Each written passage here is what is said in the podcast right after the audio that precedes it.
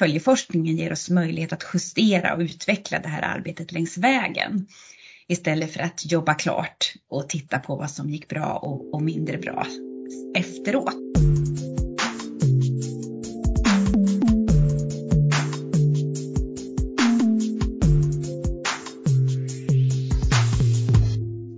Hej och välkommen till FoU-podden. Det här avsnittet ska handla om följeforskningen kring Tillsammans för barnets bästa i Sörmland. Och jag som gör podden heter Lena Stenbrink och är kommunikatör på FoU i Sörmland.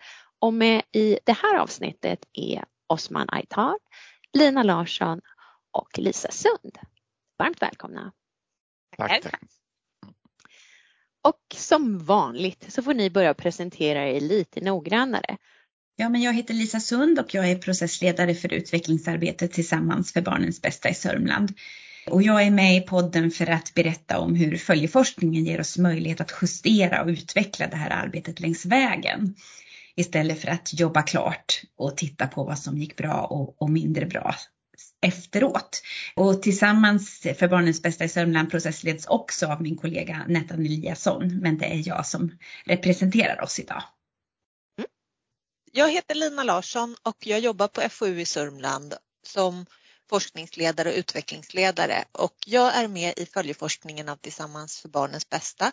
Och för mig är det väldigt roligt för det är min första erfarenhet av just följeforskning. Jag har genomfört annan forskning tidigare men den här nära forskningen är det första gången som jag gör och det är väldigt kul. Och i det så har jag ju fint stöd av min erfarna kollega Osman. Ja, Osman Aitar, docent i socialt arbete och eh, i sociologi på Mälardalens universitet och eh, följeforskare på FU Sörmland eh, sedan eh, juni 2021 och jobbar med Tillsammans för barnens bästa som följeforskare tillsammans med Lina och mycket bra samarbete med Lisa och Nettan under processens gång också. Ja, nej men som du sa då Lisa så är det ju jättebra om du börjar och berätta lite vad det här Tillsammans för barnens bästa är för någonting egentligen.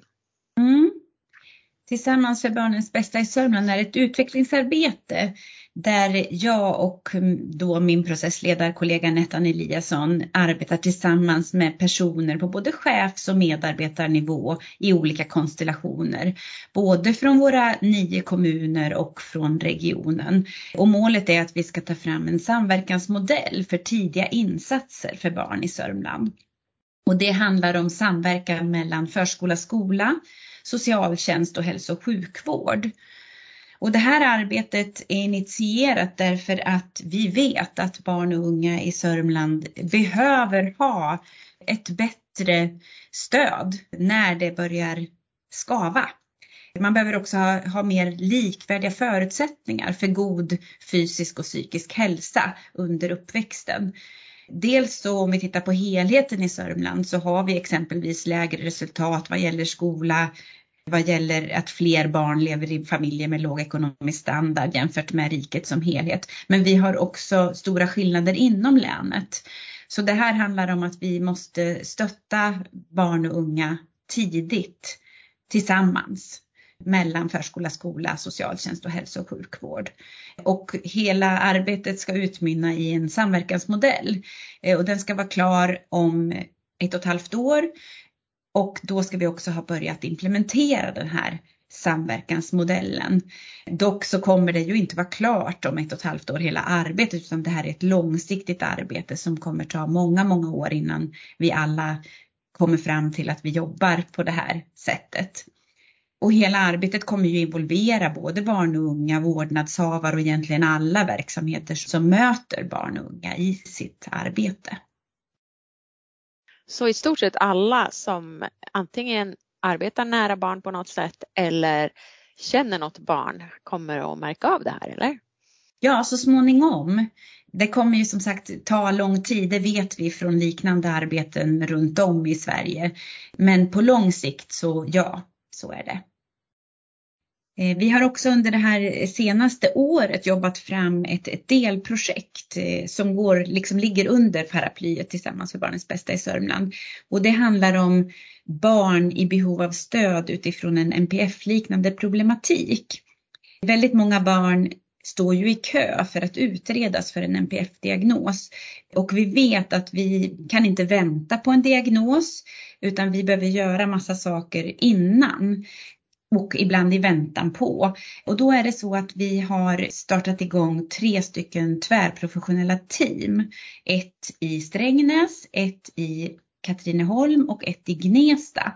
Där socialtjänst, skola och barn och ungdomspsykiatrin, BUP, har kompetens i det här teamet för att jobba tidigt med barn med då en NPF-liknande problematik. Och NPF betyder ju neuropsykiatrisk funktionsnedsättning.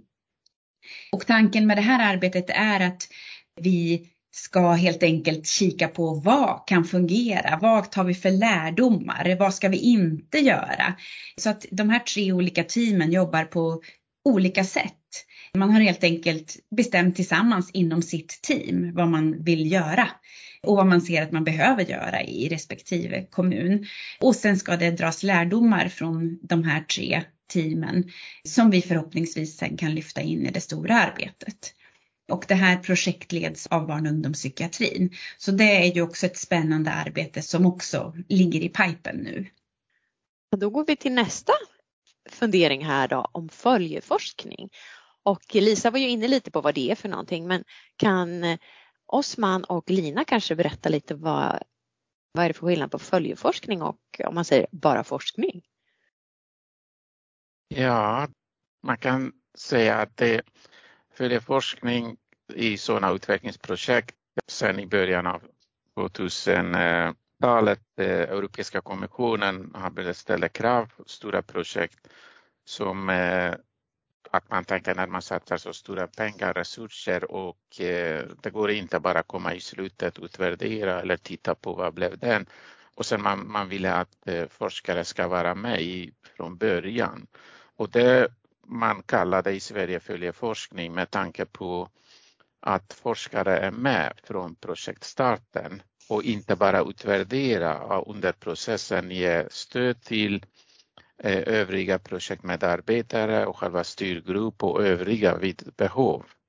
Och den följeforskningsperspektivet, det blev så att eh, precis vid starten av eh, detta utvecklingsarbete bestämdes att följeforskare ska vara med och eh, Lina och jag kom in i bilden och sen dess vi följer med forskarperspektiv med stöd och samtal, rådgivning tillsammans med berörda under processens gång.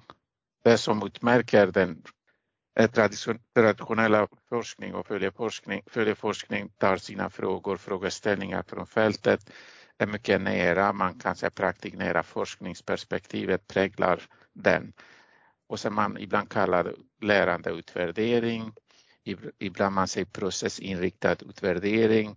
Men egentligen det, det som händer det är kontinuerligt lärande att skapa förutsättningar som man kunde sammanfatta. Eller hur Lina? Jag skulle nog vilja lägga till en sak till som jag tycker är väsentlig för att jag har hållit på med praktiknära forskning tidigare också men det jag tänker är en väsentlig skillnad är att man har som fokus och mål att utvecklingsprojektet ska bli bättre, inte att det ska bli ett bra forskningsresultat. Så om man hittar så här motstridigheter som är intressanta till exempel, då är inte poängen att jag ska skriva fram hur motstridigt det här är utan poängen är att jag ska förmedla att här finns det en motstridighet som kan vara intressant om ni försöker arbeta med och det tycker jag är en, den hjälpande mer än kritiska rollen tänker jag är en, för mig är det en, någonting som, som förefaller vara annorlunda. Ja, det är mycket bra tanke att eh, den kommer in i bilden. Att när man tar frågeställningar, ämnen från fältet eller praktiken, att forskare är med och sen resultatet som produceras tillsammans, att den förmedlas till eh, även praktiken i verksamheterna. den interaktionen präglar den processen. Och sen en annan viktig aspekt, det är inte bara fokus ligger på brister eller sådana saker. Man identifierar framgångsfaktorer, risker och hinder och förbättringsförslag under resans gång. Och det gör att även förbättringar eller framgångsfaktorer, hur man kan fortsätta med dem, utveckla risker och hinder, hur man kan åtgärda. Och sen förbättringsförslag för nästa steg eller långsiktigt. Det är också egentligen det förändringsinriktat perspektiv i det här fallet som vi hade från början, förändringsinriktad programteoretisk modell.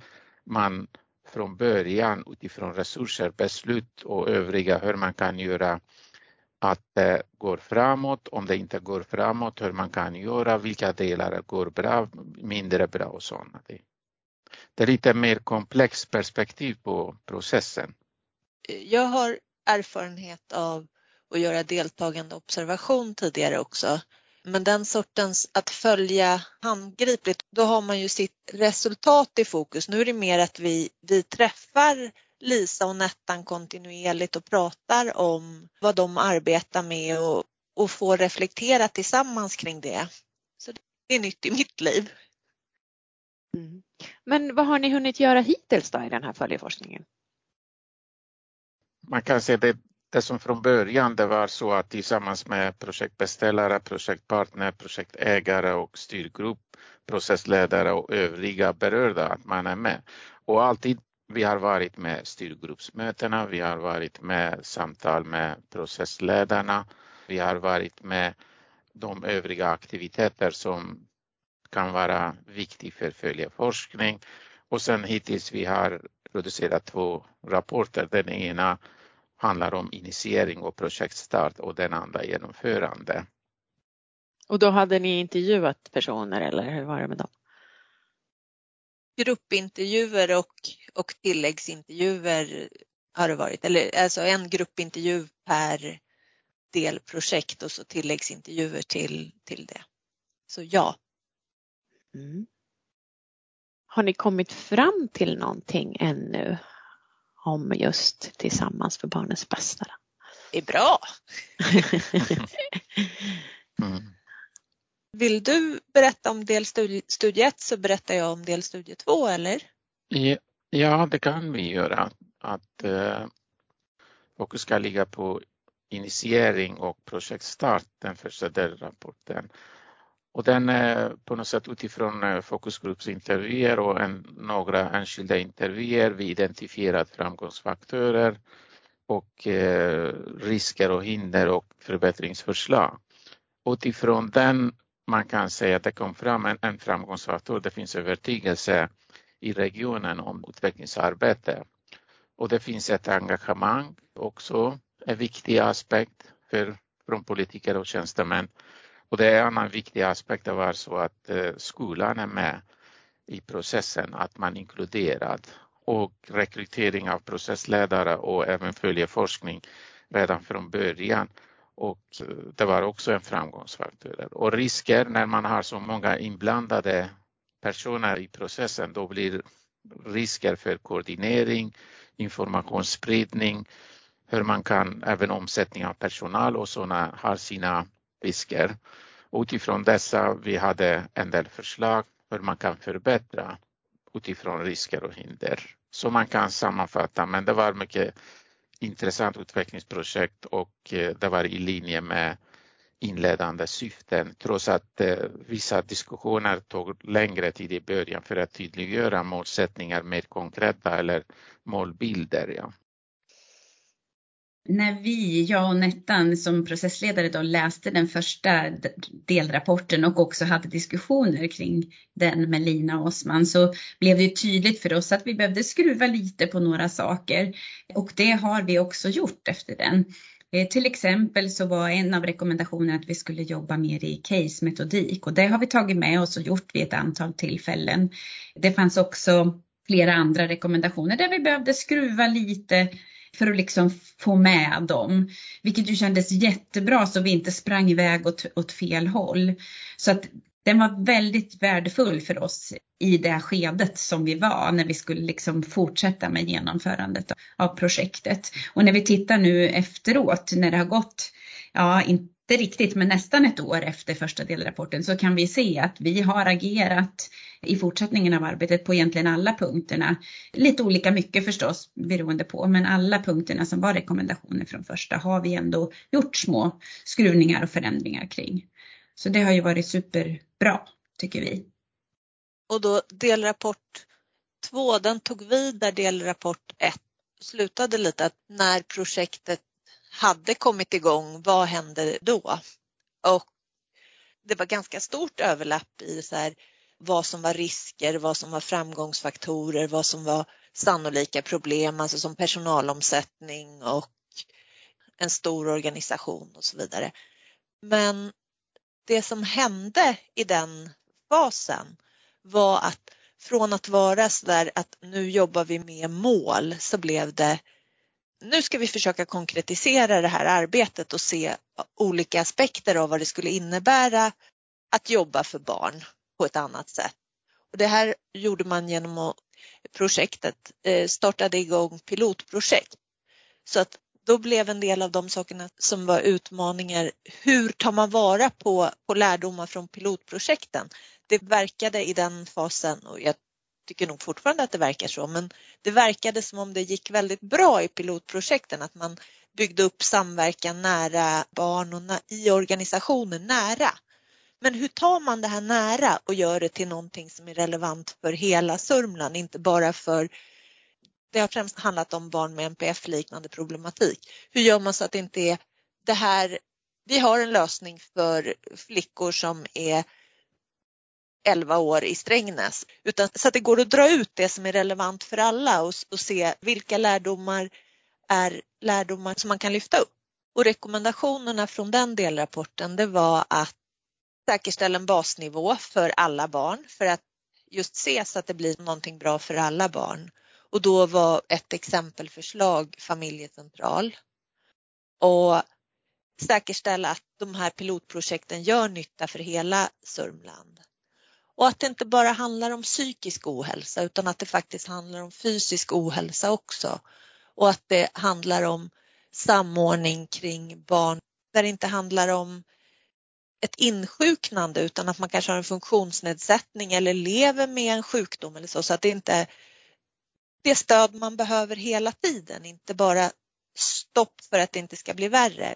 Och sen så var en annan sak som lyftes väldigt mycket att gör inte det här bara till en hälsofråga, för, eller hälsofråga ja, men nu blev det fel för att till, till fysisk hälsa utan de livsvillkor som påverkar förutsättningarna för hälsa som ojämlikhet, ekonomiska svårigheter påverkar också möjligheten att ta till sig det stöd som kan finnas. Om man inte har råd och möjlighet att åka till habiliteringen till exempel. Vad får man för stöd då? Om man inte har möjlighet att åka till en logoped, vad får man för stöd då? Kan man få stöd ändå?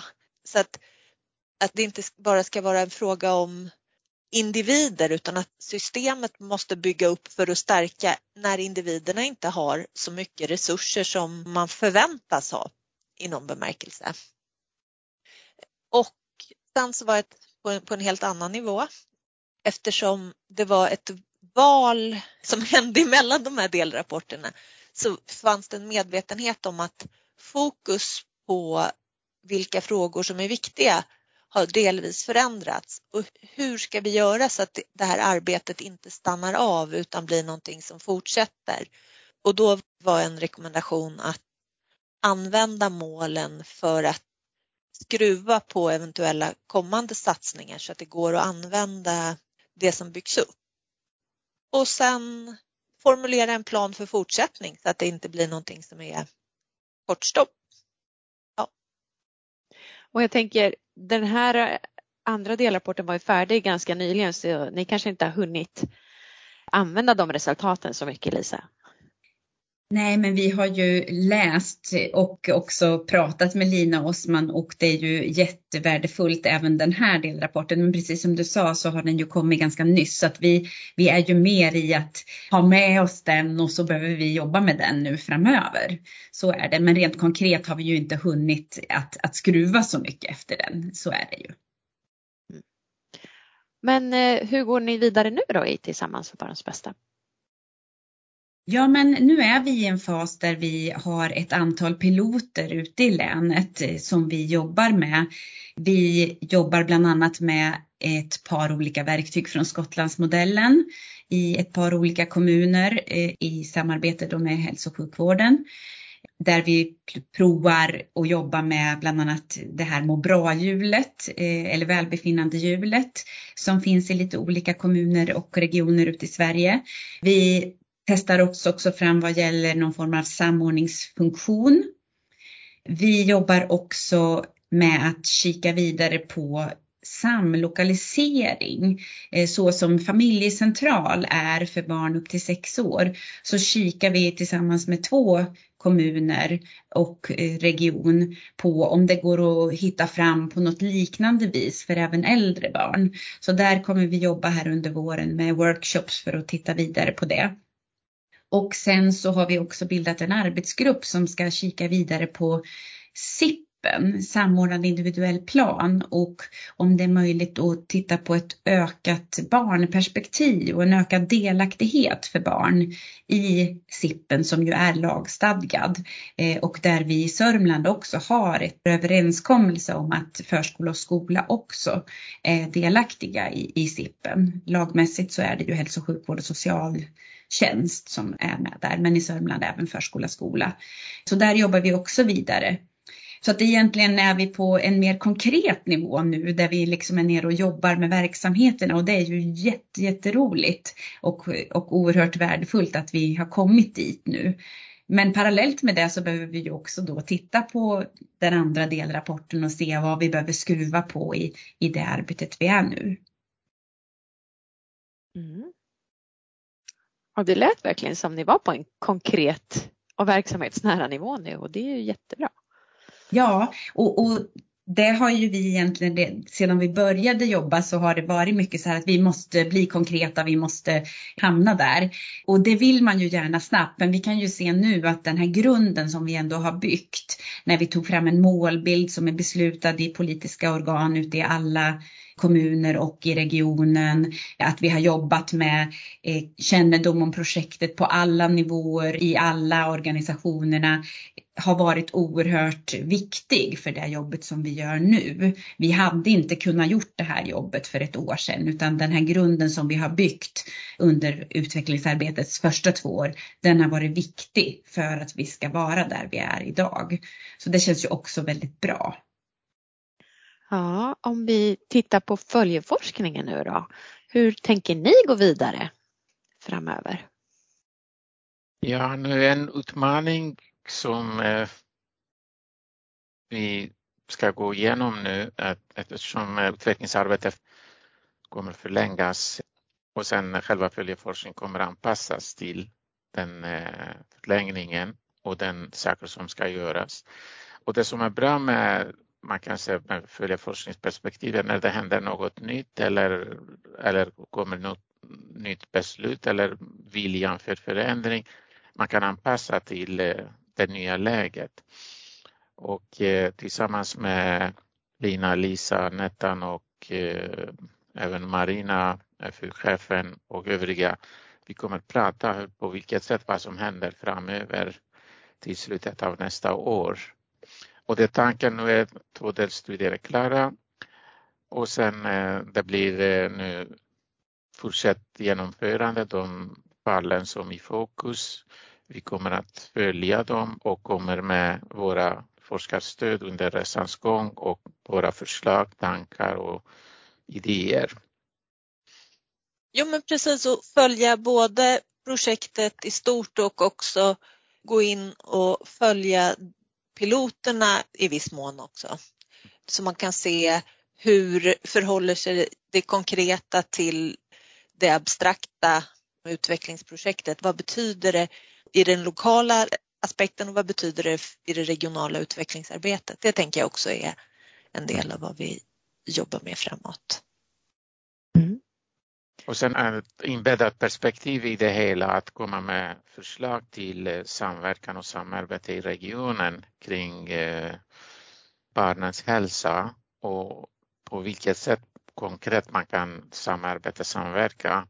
Det som är viktigt att komma, komma fram med förslag, komma fram med verktyg, perspektiv som kan användas i relation till eh, målsättningen som att kunna arbeta fram en samverkansmodell som testas i regionen och sen utifrån den kunna arbeta fram en plan framöver när utvecklingsarbetet avslutar. Ja, om man nu vill veta mer om följeforskningen eller Tillsammans för barnens bästa, då vet ju jag redan att det finns information på hemsidan som jag kan länka till och det finns även podd och ja, på hemsidan ligger förstås delrapporterna då också. Men är det någonting annat som ni vill tillägga innan vi avslutar den här podden? Jag skulle vilja betona hur oerhört värdefullt det är att arbeta nära Lina Åsman som följer forskare för oss som är processledare. Att vi både kan få stöd i delrapporterna och skruva om så att vi verkligen lägger tid och resurser på rätt saker. Men också att kunna diskutera olika frågor och vägval och funderingar längs vägen. Det går inte nog att betona hur värdefullt det är för det här arbetet så att vi inte bara gör ett långt arbete och sen har vi gått åt fel håll. Utan det är oerhört värdefullt för oss som processledare och också tänker jag för det slutresultat som kommer bli. Så det skulle jag också vilja bara få med så här extra betona hur, hur värdefullt det är. Och det samma sak gäller för oss också, att eh, samma känsla att, eh, att arbeta med er och på något sätt under processen och mycket värdefull. Och sen på något sätt när vi är öppna och diskuterar alla som vi tycker att eh, det är viktigt för utvecklingsarbete. Det är, synergi blir en viktig aspekt också mellan oss, både ni som har kontakter med verksamheterna och vi som har uppföljningsperspektivet, det blir komplettera varandra. Eh, genom er vi får mer information om praktiken och kontakterna och eh, tillsammans med er, ni är lite medforskare också med i vår resa tycker jag. Det, det är inte vanligt med, med öppna perspektiv. Vi stödjer varandra också under processens gång tycker jag. Jag vill också säga det att just det här att det tillsammans tycker jag är, har varit väldigt, väldigt roligt och det var jättekul i arbetet med delrapport 2 och se vilken skillnad rekommendationerna hade gjort i projektet. Både för att det egna arbetet blir meningsfullt men också för att det jag tänker att rekommendationerna kommer ifrån är ju att man har haft reflektionsutrymme och det tänker jag är det som är så fint med följeforskning att det är reflektionsutrymme både för Nettan och Lisa som processledare och genom de här gruppintervjuerna har också varit reflektionsutrymme för styrgruppen så att de artikulerar saker som de ja, men går och tänker på och sen när de får frågor på det och får läsa det och får tänka ett snäpp till så tänker de ett snäpp till förstås som människor gör. Och det har varit så fint att få vara med i en sån process där det finns reflektionsutrymme för människor där man har värdesatt det för att det gör någonting med vad det blir av det. Det, det blir något som är förankrat och det är fint. Mm. Ja, det ska bli jättespännande att fortsätta att följa det här viktiga arbetet som ni gör. Faktiskt. Men eh, nu får jag ta och tacka er så jättemycket för att ni vill vara med i den här podden. Så tack så mycket. Tack så, tack så mycket. mycket.